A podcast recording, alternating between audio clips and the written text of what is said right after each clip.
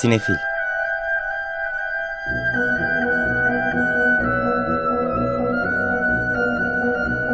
Hazırlayan ve sunanlar Melis Behlil ve Yeşim Burul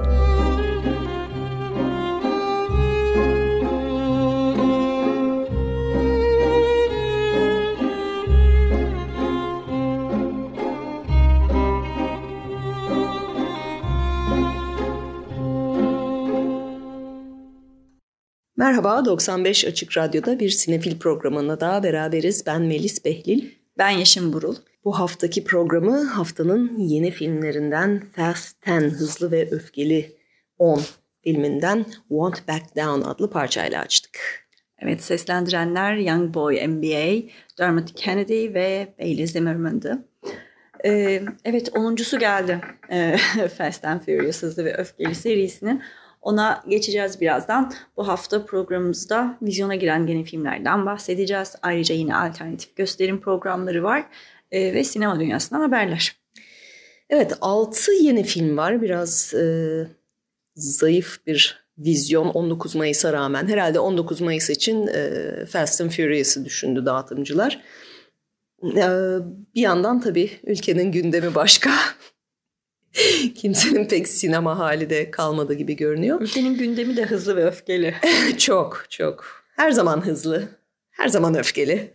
Evet 10.ya gelindi 20 seneden fazla oluyor ilk filmden beri e, bu araba hırsızları, maceraları e, üzerinden giderek daha büyüyen e, atraksiyonlar, uçan arabalar, daha da büyüyen bir star kadrosuyla bu sefer Louis Leterrier yönetmiş ki e, son dönemlerde Hollywood'da pek çok aksiyon filmine imza attı. Justin Lin çekilmiş projeden Vin Diesel'la geçinemedikleri üzerine çeşitli dedikodular var. E, ekibin çoğu aynı şekilde devam ediyor zaten. Vin Diesel, Michelle Rodriguez, Tyrese Gibson, Ludacris, e, son filmlerde eklenen e, Charlize Theron, Helen Mirren, e, Jason, Jason Statham tekrar var karşımızda. Ama bu filmde ilk defa gelen de birkaç isim var. E, spoiler değil, fragmanda da görünüyor. E, Jason Momoa baş kötümüz mesela. Ama ayrıca Rita Moreno ve Brie Larson.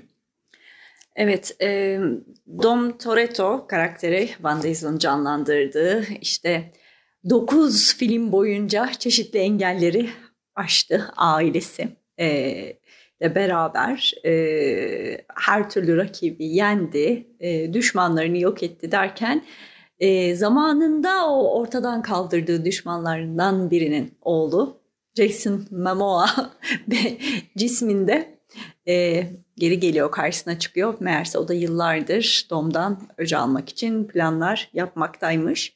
E, Jason Momoa da yakışmış o role. Zaten cüssesiyle yeterince korkutucu biri kendisi ama burada planladıkları ve gerçekleştirdikleri de az buz değil.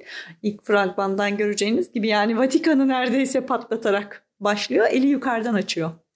Evet yani e, cüsseli adamlar e, kumpanyası şeklinde zaten Vin Diesel'la Dwight Johnson başından beri gidiyorlardı. Onların arasında zaten başından beri bir kavga vardı. The Rock artık çekildi.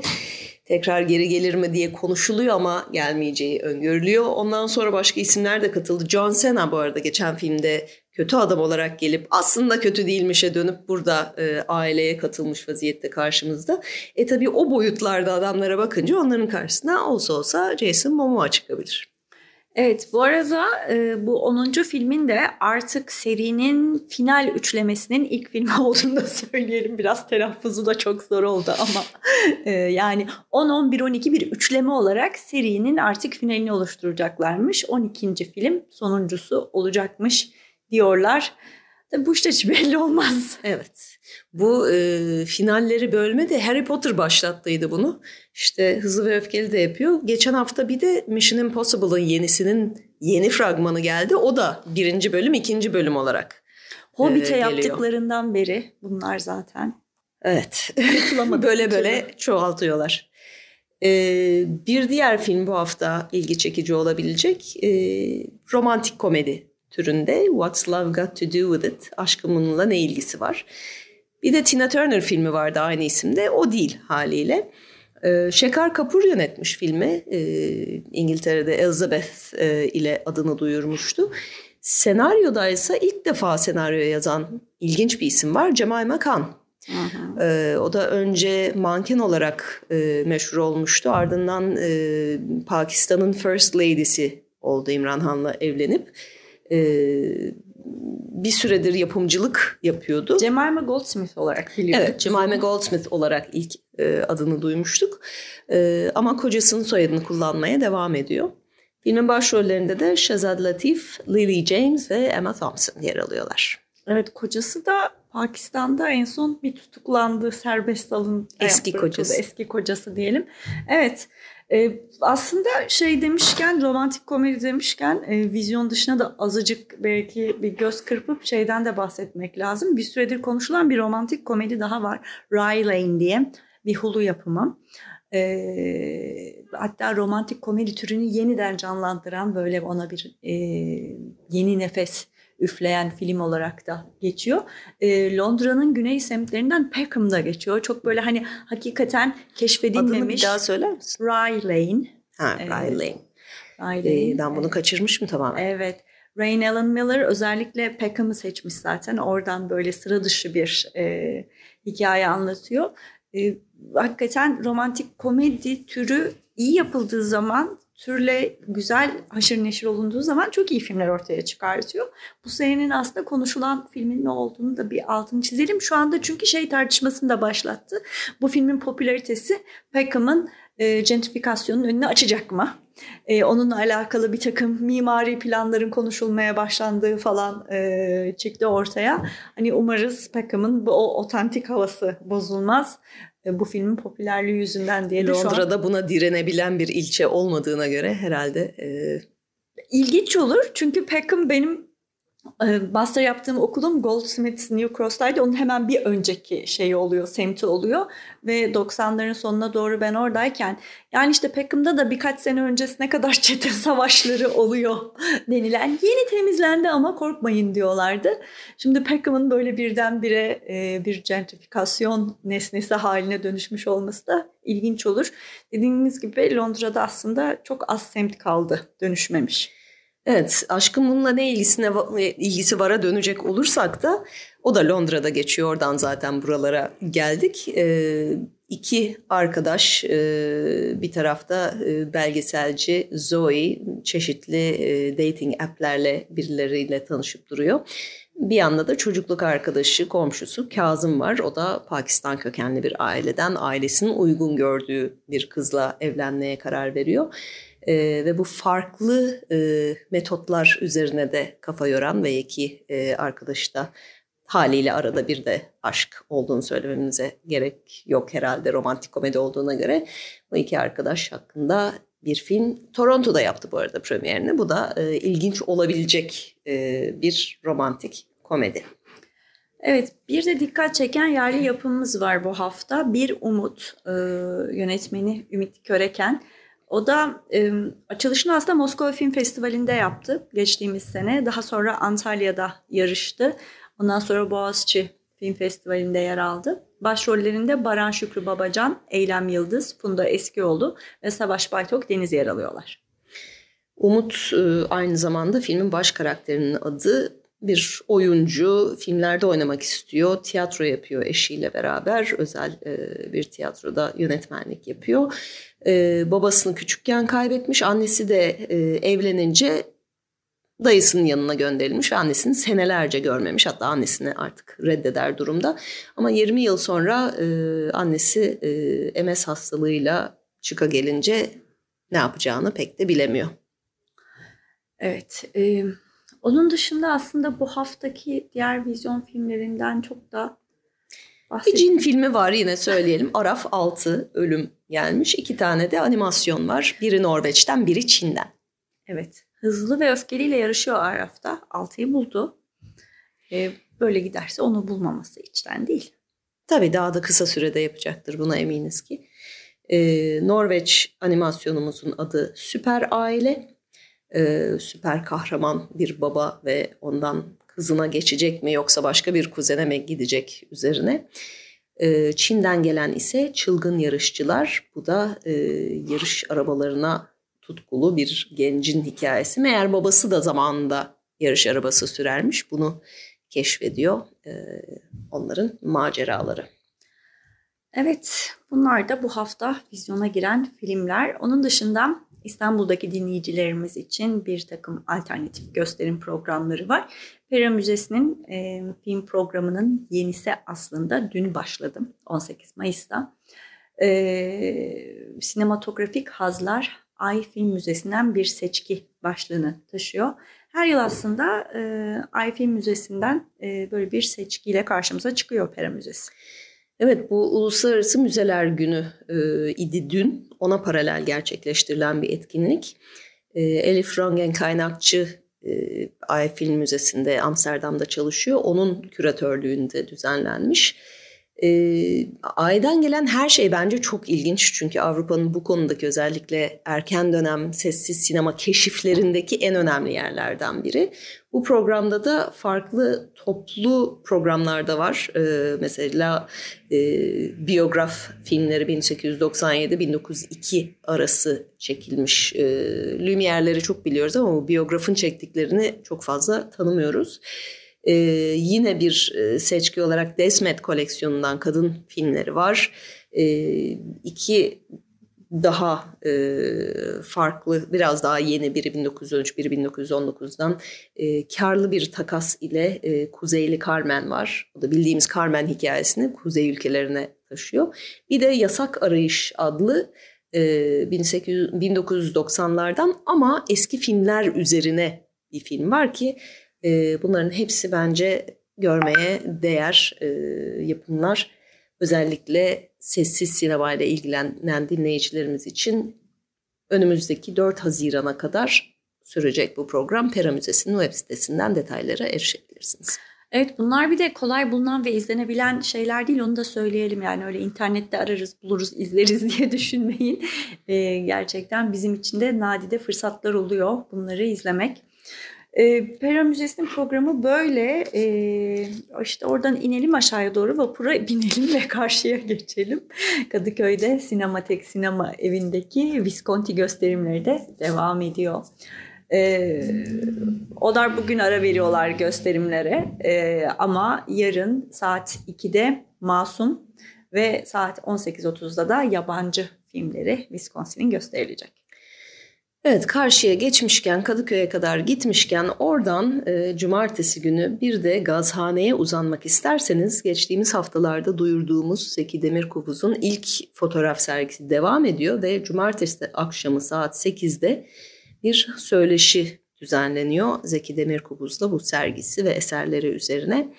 E, Evet 20 Mayıs Cumartesi saat 20'de açık havada görünüyor programda. Bakalım hava durumuna göre herhalde e, gerekirse kapalı bir yere de alacaklardır.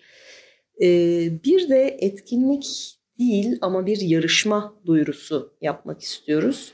E, İEL Sinema'dan çok e, hoş bir mail geldi. E, İstanbul Erkek Lisesi Sinema Kulübü bu sene 20.sini düzenliyor liseler arası e, kısa film yarışması ki bunun da ilk liseler arası kısa film yarışması olduğunu düşünüyoruz. Düşünüyorlar ve bence de öyledir herhalde daha öncesinden bir şey bilmiyorum. Uluslararası Altın Boğa Kısa Film Yarışması ve Festivali. Ee, bu da e, lise öğrencileri tarafından organize ediliyor. Zaten hani Türkiye'nin en önde gelen liselerinden biri. Oradan tanıdığımız pek çok sinema yazarı arkadaşımız da var, sinemacı arkadaşımız da var. Yeni jenerasyonun gelişmesi için de çok önemli bir etkinlik. Son başvuru tarihi 2 Haziran. Ee, yarışma hakkında detaylı bilgiye, katılım koşullarına ve ön başvuru formuna ilsinema.org adresinden ulaşılabiliyor liseliler, liseli tanıdıklarımıza ve liseli dinleyicilerimize bunu iletmek isteriz. Evet, e, bunlar gösterim ve duyurularımızdı. Buradan e, yavaş yavaş da e, festival haberlerine geçebiliriz. Çünkü Cannes Film Festivali başladı bir taraftan da. Evet, e, Cannes Film Festivali her sene heyecanla beklenen e, etkinliklerden. Bu sene jüri başkanı Ruben Östlund, e, yani Bir ara şey dedikoduları da vardı. Jüri üyeleri çok geç açıklandı. Acaba kimse Östlund'la çalışmak istemiyor mu diye sanırım biz de konuştuyduk bunu. Ee, ama artık full şeyiyle zaten e, Dünya Sağlık Örgütü de artık bir acil durum kalmadığını belirttiğine göre salonları e, sinemacılar doldurmuş durumda Kanda. E, mer- merakla beklenen pek çok film var. Bir kısmı gösterilmeye başlandı. Açılış filmi Jean Dubarry'di. Merve'nin e, filmi. E, başrolde de Johnny Depp vardı ki bu da tabii Johnny Depp'in e, konumu Fransa'daki popülaritesi, Hollywood'daki böyle biraz ne olacağı tam da belli olmayan hali üzerine çeşitli e, konuşmalara vesile oldu ki böyle bu başka yerlerde tacizcilikleri ya da başka problemleriyle çünkü sırf o da değil hani sete ayık gelme üzerine de çeşitli sorunları olduğu biliniyor Johnny Depp'in. E, bütün bu zor erkeklerin Fransız sineması tarafından el üstünde tutulması da yine karşımıza çıkan bir durum. Fransızlar ve İtalyanlar bu konuda gerçekten sınıfta kalmış durumdalar. Hani onu hatırlatabiliriz. Johnny Depp'in senin de söylediğin gibi dakikalarca ayakta alkışlanması ki Kanda dakikalarca ayakta alkışlanıyor insanlar filmler. Yani çok böyle büyük bir başyapıt olmasına gerek yok açıkçası. Ee, ama e, tabii yani o çok konuşuldu, çok tartışıldı. Bu biraz Johnny Depp'e de şey verdi diyebiliriz. Bir e, şevk de vermiş durumda kendi pozisyonunu savunması anlamında. Hani genel olarak içmediğinde inanın çok tatlı bir insan denilenlerden biri. Yani hani e, ayıkken çok kibar, çok nazik. E, yani hiç bizim tanıdığımız insan öyle şeyleri yapılamaz. E, böyle hikayeleri çok duyuyoruz tabii. Ama evet yani Polanski'den Depe uzanan çizgide çok bambaşka şeyler var. E, bilemiyorum. Evet gösterilen filmler arasında e, Almodovar'ın Strange Way of Life'ını e, haberlerini alıyoruz, merak ediyoruz. Bir e, gay western, kısa gay western olarak e, Pedro Pascal ve Ethan Hawke başrollerde. Fragmanı yayınlandı. En azından fragmanı izleyebilirsiniz. O bile heyecanlandırıyor insanı. Orada bir parantez açıp şeyi de söylemek lazım. Brokeback Mountain aslında bir dönem e, Almodovar'ın aslında yönetme fikri var idi. E, ama sonrasında kendisi projede özellikle devam ettirmedi. Çünkü hani Hollywood'da böyle bir filmi çekemeyeceğine kanaat getirdi. Yani öyle bir hikaye benim yani benim çekmem çok daha grafik olur demiş. Hollywood'da bunu e, kaldıramaz. Hani sonuçta Almodovar'ın sinemasını bilenler için de bu son derece anlamlı bir açıklama bir taraftan da. Ama insana zannediyorum buradan böyle hafif bir şey e, oluyor. E, filmin sponsoru da Yves Saint Laurent'mış. E, moda evi.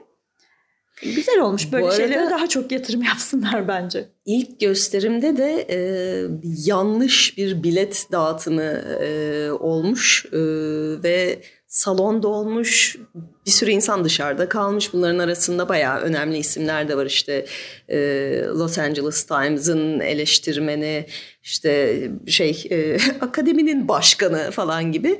E, haliyle hemen bu e, şeylerde Kandan her gün yayın yapan Hollywood Reporter, Variety gibi yerlerde bu ne biçim rezalet, nasıl bir organizasyon diye şikayetler hemen çıkmış. Çifte ee, bilet dağıtmışlar. Demek evet. Ki. Demek ki her yerde bunlar olabiliyor. Ee, başka da heyecanla beklediğimiz filmler var. Tabii Nuri Bilge Ceylan'ı da bekliyoruz. Evet, onun gösteriminden sonra da gelen haberleri sizlerle paylaşacağız ama e, Steve McQueen'in e, 4 saatlik bir belgeseli var. O da konuşulanlardan biri. Amsterdam üzerine Occupied City adını taşıyor. Yani işgal edilmiş şehir. E, nedense pek unutmaya e, teşne olduğumuz e, Amsterdam'ın e, Naziler tarafından işgalinden kalan e, footage'la e, günümüzde e, ve çok büyük bir şans olarak da Covid'de lockdown'dayken e, o boş Amsterdam'ı çekmiş. Onların karşılaştırması üzerinden giden bir iş ama Hatta orada kendi çekim yapmış anladığım kadarıyla arşiv görüntüsünden ziyade böyle biraz deneysel bir yere de gidiyor ve anladığım kadarıyla bir hayli yavaş.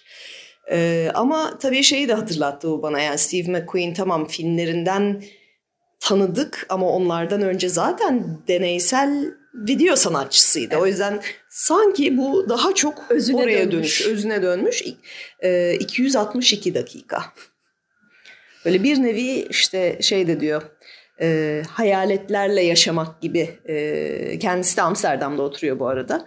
O yüzden o yaşadığı şehri bir de o gözden bir de siyah bir sinemacı olarak orada günümüzde e, yaşayan e, süresine rağmen benim de çok merak ettiğim filmlerden bu sene. Evet Hollanda değişik bir ülke aslında. Hani siyah bir sanatçı olarak yaşamak için hala Sinterklaas'un e, blackface olarak e, deneyimlendiği bir ülke. E, ya da e, Anne Frank'in evi var her şeyin ötesinde o kanal boyundan geçerken. Burası gerçekten orası diye zaman zaman insanın kendine kapısının önündeki kuyruklardan dolayı e, hatırlattığı bir yer. Evet merakla bekliyoruz McQueen'in son eserini. Evet ve esas e, Yahudi mahallesi olan bölge ise o dönemde boşaldığı ve kimi binaların çünkü Amsterdam bombalanmıyor ama hem boşalıyor o bölge boşaltılıyor. Hem de e, o çok zor geçen kış 44 kışı olsa gerek e, evlerden mobilyalar parçalar işte evlerin tahtaları yakılmak üzere alınıyor ve ondan sonra da orası dümdüz ediliyor savaştan sonra. Şu anda operanın olduğu yer. O yüzden aslında o tarihin bir kısmı da e, şehir idaresi eliyle yok edilmiş durumda. Günümüzde e, Direniş Müzesi de ve Holocaust Müzesi de o mahallede yer alıyor zaten. Evet, direniş demişken e, Rusya'dan bir haberimiz var.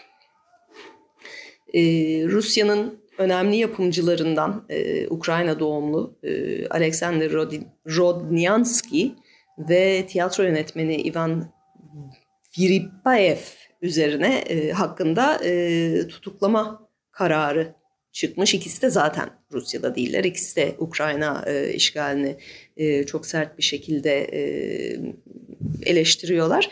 E, Rodnyansky Zviagintsev'in yapımcısı. E, yani şu anda şu anda değil de geçtiğimiz 10 sene içinde Rusya'daki en önemli filmlerin bir kısmına imza atmış kişi. Evet en son Leviathan'ı hatırlatmak isterim.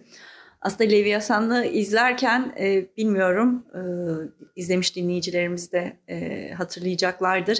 Çok tanıdık geliyor bir sürü şey bize. O çürüme, yozlaşma, yerel siyaset ve suç dünyasının iç içe geçmesi, her türlü zorbalık, e, bütün bunlar e, çok çarpıcı bir biçimde ele alınıyor. E, artık hani Putin Rusya'sına geldiği nokta otoriter rejimlerin kültür sanat dünyasına açtığı topyekun savaşın en iyi gözlemlendiği yerlerden biri. Yani otoriter rejimlerin bu derece büyüyüp semirmesi ve tüm yaşam alanını işgal etmesine izin verilen durumlarda işte çok kolay sadece eleştirel şeyler söyledikleri ya da muhalif oldukları ya da işte e, Ukrayna'nın işgalini eleştirdikleri için de iki e, yapımcı için böyle bir ya da yönetmen için böyle bir tutuklama kararı çıkartılabiliyor. Hatta e, federal yani şey e, ülke dışı e, onları e, Rusya'ya iade edilmesi için de çeşitli başvurularda bulunmaya başlamış bile Rusya. Evet, e, yani Rusya'da haliyle siyaset e, riskli bir alan.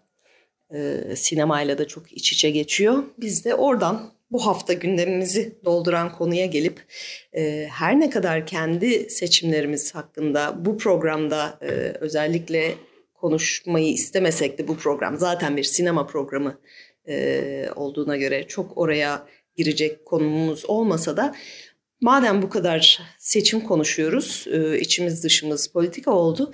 Bir de seçim filmlerini hatırlayalım dedik bu hafta. Ee, ki bol bol var hani belgesellerden kurmacalara, daha fantastik versiyonlara, televizyon dizilerine kadar e, aklımıza gelen bazı e, seçim hikayelerini anmak istedik bu vesileyle. Evet, hangisiyle başlasak birbirinden e, aslında farklı ama aynı derecede seçimler üzerine farklı açılardan da bizi düşündüren e, filmler var. E, All the President's her yerde konuşulanlardan biri aslında. E, çünkü orada hem seçim hem gazetecilik üzerine de aslında ikisini bir araya getiren e, bir şey var. E, ama çok daha hem eski tarihli daha yakın tarihli e, filmler de var e, bakacak olursak listelerimize. Benim galiba en sevdiklerimden biri e, bu şeye geliyor. E, Election aslında bir lisede geçen e, seçim filmi. Evet kendi adı da seçim olan ama o seçim her ne kadar siyasi bir seçim değilse de aslında bütün seçimlerin, bütün ufak çapta bile olsa politik olayların e, arka planına bakan bir lisedeki seçimin bile aslında bunların bir e, örneği olduğunu ele alan Alexander Payne'in e, yanılmıyorsam ilk filmi en azından adını, filmi. adını en çok duyurduğu filmi o oldu. Oradan da devam etti zaten. Evet ve başrolünde çok genç bir Reese Witherspoon var. E, bence de yeteneğini ilk e, bu kadar müthiş bir şekilde ortaya koyması açısından Karşısında da rakip olarak e, Matthew Broderick var.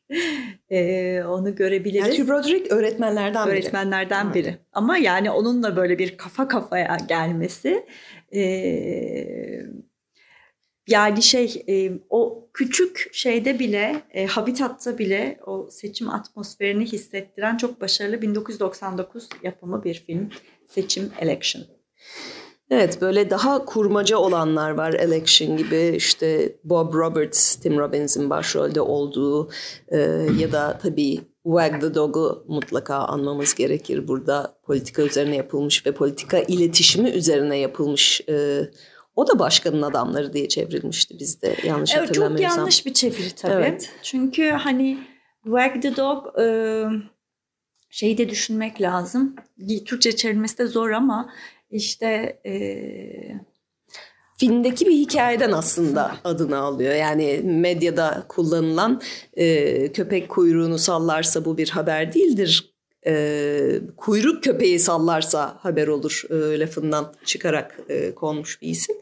Ve e, medyanın her türlü politik olayı ve seçimi, seçim öncesini nasıl e, şekillendirdiği üzerine bir film. Algı yönetimi üzerine. Algı yönetimi tamamen. Spin doctor'lık dediğimiz e, ki o da işte İngilizceden geçen bir kavram ama bir anlamda o algı yönetimini yürüten o politik danışmanların nasıl işler yaptığını ki burada e, Robert Redford öyle bir danışmanı canlandırır çok başarılı bir şekilde.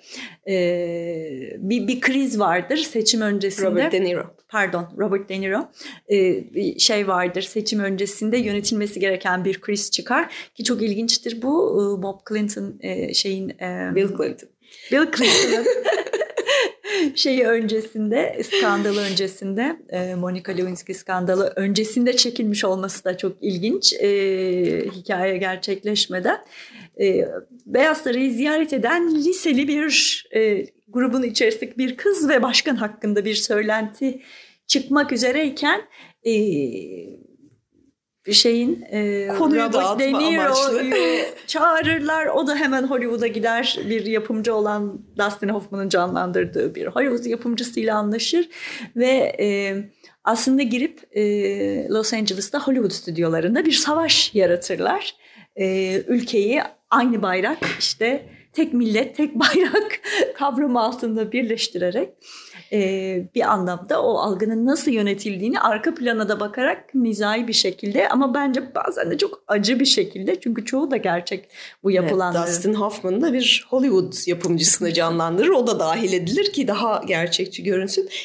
Ee, Anne Henchy'nin karakteri de yanlış hatırlamıyorsam Beyaz Saray bağlantısıydı. Evet. Ee, o da hayatını geçen sene kaybeden oyuncu. Ee, o buradaki hakikaten en iyi performanslarından biriydi. Bu konudaki e, işte seçimler ve medya manipülasyonu konusundaki herhalde en iyi filmlerden biri. E, bir de tabii daha gerçek, daha doğrusu gerçek olaylardan yola çıkanlar var. Milk gibi Harvey Milk'in hayatını Sean Penn canlandırıyordu. Ee, işte 90'lardaki Amerika'daki çeşitli hikayelerde sinemalara uyarlandı. Özellikle o e, bir türlü sayımların bitmediği seferler, e, son dakikaya kalan hakikaten film gibi gelişen hikayeler. Bir de tabii belgeseller var ki seçimler üzerine e, bunların ilki e, aynı zamanda e, direct sinema yani sinema veritenin Amerikan versiyonunu da tanımlayan film Primary. 1960'taki e, demokrat başkan adayının belirlenme sürecini e, ele alan belgesel. Bunlar ön seçimler, ön Amerikan seçimler. E, seçim sistemine Şanslı bir şekilde bir seç, bir film ekibi olarak e, genç e, Bostonlı e, senatör Kennedy'nin peşine takılıyorlar filme çekmek üzere ve tabii Kennedy'nin başkanlığa gidiş hikayesi haline geliyor. Benzer bir şekilde Knock Down the, Knock Down the House'da birkaç sene önce birkaç kadın adayı takip ediyordu ve onlardan biri e, AOC Cortez. E, Alexandra Ocasio-Cortez. Sonradan e, Amerikan politikasının en önemli isimlerinden biri haline gelen o da bir şans eseri. Bizde bir versiyonu var onun. Ondan çok daha önce yapılmış olan 10 sene kadar önce bu ne güzel demokrasi diye e, kadın adayları takip eden. E, o yüzden belgeseller bazen daha bile heyecanlı oluyor. Bildiğimiz meşhur politikacıların oraya nasıl geldiğini görme nezdinde. Evet, e, büyük partiden küçük ekrana geçecek olursak orada da hakikaten e, izlemeye değer işler de var. Bunlardan biri Danimarka dizisi Borgen. E, benim e, siyaset iletişimi dersimi alan öğrencilerimin bir kısmına zorla izlettiğim. Sonradan e, özellikle Netflix'e geldikten sonra Türkiye'de de çok popüler oldu, bayağı izlendi. Ben hala Borgen birinci sezon birinci bölümün e, hakikaten e, diziler tarihi içerisinde çok başarılı bir e, açılış bölümü olduğunu düşünüyorum. Siyaset, medya ve bütün o arka planı anlatması açısından e, İsk- İskandinavya'da olsa e, siyaset zorlu bir iş. Bir tabii öbür tarafta Bo Williams'ın yarattığı e, House of Cards var. House of Cards da e, Amerika tarafında e, oldukça başarılı oldu. Netflix'in de ilk büyük dizisi e, evet. kabul edilir. Evet Kevin Spacey'nin e, yarattığı o başkan karakteri bir hayli dehşet verici. Son günlerde ise e, birebir takip eden varsa arada bir anıyoruz Succession dizisini. E, spoiler da vermeden şeyi söyleyebilirim. Son iki bölümleri bizle birebir seçime denk geldi ve onların e, seçim bölümü bizim seçim günümüzde yayınlandı. O yüzden... E, biraz kafamı dağıtayım, Succession izleyeyim derken kendimi yine bir seçim ve yine e, bu politik yapılarla medyanın nasıl iç içe geçtiği ve medyanın özellikle Amerika'da nasıl belirleyici bir konumda e, olduğunu e, çok güzel anlatan bir bölümdü o. E, daha fazlasını söylemeyeyim ben. Evet spoiler vermeyelim. Hala izlemeye devam edenler var şu anda Succession'ı. Eyes of March yine yeni dönem filmlerinden. George Clooney başroldeydi. Orada bir politik danışmanı canlandırıyordu. O da o da beğenilen e, filmlerden biri. Bir de Manchurian Candidate. Evet. Gibi o, hatta remake'i de yapıldı sonra ama orijinali tabii e, Mançuryalı aday. E, tabii daha biraz daha fantastik bir yere gidiyordu o. Ama hani seçim üzerine özellikle Hollywood'dan ama başka yerlerden de pek çok film var. Ee, evet hani bizden de bu arada yok değil. Evet ben burada Zübük'ü anmak istiyorum hemen. Ee, Zübük e, biliyorsunuz Aziz Nesin'in aslında bir eseri. E, ondan 1980 yılında sinemaya uyarlandı. Senaristliğini Atıf, Atıf Yılmaz yapmış bu filmin ve yönetmen koltuğunda da Kartal Tibet var. Çocukken e, birkaç kere denk geldikçe izlediğimi hatırlıyorum. Bende de böyle bayağı iz bırakmış e, filmlerden biri. Kemal Sunal'ın zaten e, şahane performansıyla tam anlamıyla klasik Türkiye'li yozlaşmış bir politikacının hikayesi e, Zübük, İbrahim Zübüksade isimli. Onu da zannediyorum internette bulmak mümkün. Çok iyi bir kopyası yok, çok temiz bir kopyası yok ama yine de e, dönüp kahkahalarla izleyebilirsiniz. Artık belki de kahkaha atma aşamasında çoktan geçtik diyebilirim. Yine de e, hepsini bir beraber anmakta e, fayda var. E, sevgili Kemal Sunal, Atıf Yılmaz, Kartal Tibet, çok güzel filmler yapılabiliyormuş. En azından böyle siyasi hiciv filmleri bir zamanlar. Evet programımızın da sonuna geliyoruz böylelikle. Ee, önümüzde e, daha bu konuları konuşarak geçecek bir süre daha var. E, ama şimdilik burada bırakıp size 1997 yapımı Wag the Dog'un e, soundtrackinden bir takım müziklerle devam etmek istiyoruz. Evet, Wag the Dog'un müzikleri de o zaman e, Mark Knopfler tarafından bestelenmişti, yapılmıştı. Dire Straits'in e, şeyi, Mark Knopfler'ı. Onun da altını çizmiş olalım. Herkese iyi seyirler diliyoruz. Ve teknik masadaki arkadaşlarımıza ve bu haftaki destekçimize de çok teşekkürler. İyi hafta sonları.